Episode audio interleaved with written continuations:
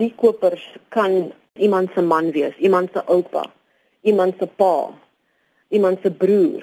Ek ken 'n meisie wat haar eie familielede het haar besoek.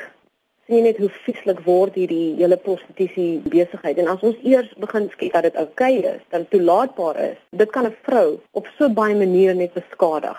Want dan word sy net as 'n seksvoorwerp gesien, sy word gebruik as 'n seksvoorwerp. Die hele lyn van liefde en seks word verdof kan ek sê. Baie van die vroue wat betrokke is by prostitusie doen dit nie uit vrye wil nie. Vir baie is dit die enigste manier om hulle kinders te versorg of om 'n dwelmverslawing te onderhou.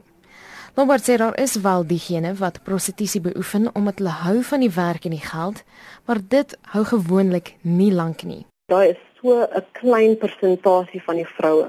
Kom ek sê dit. Op een of ander tyd sal daai vrou besef hy sorg Okay, en ek praat nou ook van ervaring hier uit en mense wat ek self ken. Die man soek nie 'n ou vrou nie, verstaan jy? Hy wil 'n jong vrou hê wat aantreklik is met 'n lyf. En hoe ouer die vrou raak, daai waarde gaan heeltemal by die brein af. Voordat Lombard by Dokters vir Lewe betrokke geraak het, was hy self in die bedryf. 'n Vriendin het haar ooreed om betrokke te raak onder die voorwendsel dat geld nie skaars is nie. As jy egter hier goeie geld wil maak, kom dit teen 'n prys. Ek moet sekere dinge doen vir mans om daai tipe geld te kan maak. En meeste van daai dinge was seks sonder 'n kondoom. En ek was net nie bereid nie. Nou dit is nie altyd die saak vir meeste van die meisies nie. Meeste van hulle hulle wil daai geld hê en hulle sal daai risiko neem as ek dit so kan stel. En dit is 'n wet onder die meisies. Hulle weet dat daai man wat jou kom besoek het, sal elke ander meisie ook besoek. Hy sal nie net na jou toe kom nie. Die organisasie is op 'n daaglikse basis betrokke by vroue wat dit reg kry om die bedryf te verlaat. Maar hoe voel hulle as hulle voor die organisasie se deur kom staan? Die meisie wat saam met ons was, sy, sy het self gesê sy het net gevoel sy word gebruik en sy word weggegooi. Dis dit. Nee, jy word net gebruik, weggegooi en hoe ouer jy word, hoe minder word jy gebruik en dan verloor jy net jou waarde jy kan dit net sien, jy weet, wanneer jy hulle ontmoet. Heel party van die vroue loop deur onder fisiese en emosionele trauma.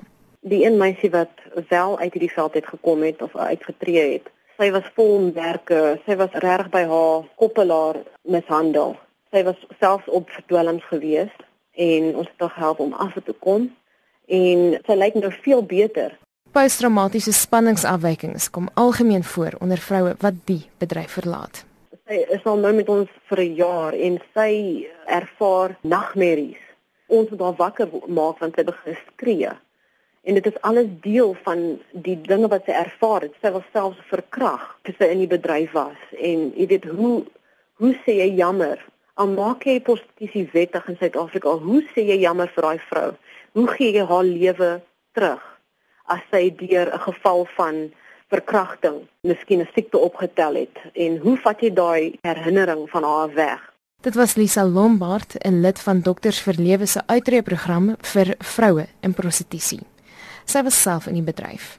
Ek is Marlene Forsie vir SAK nuus.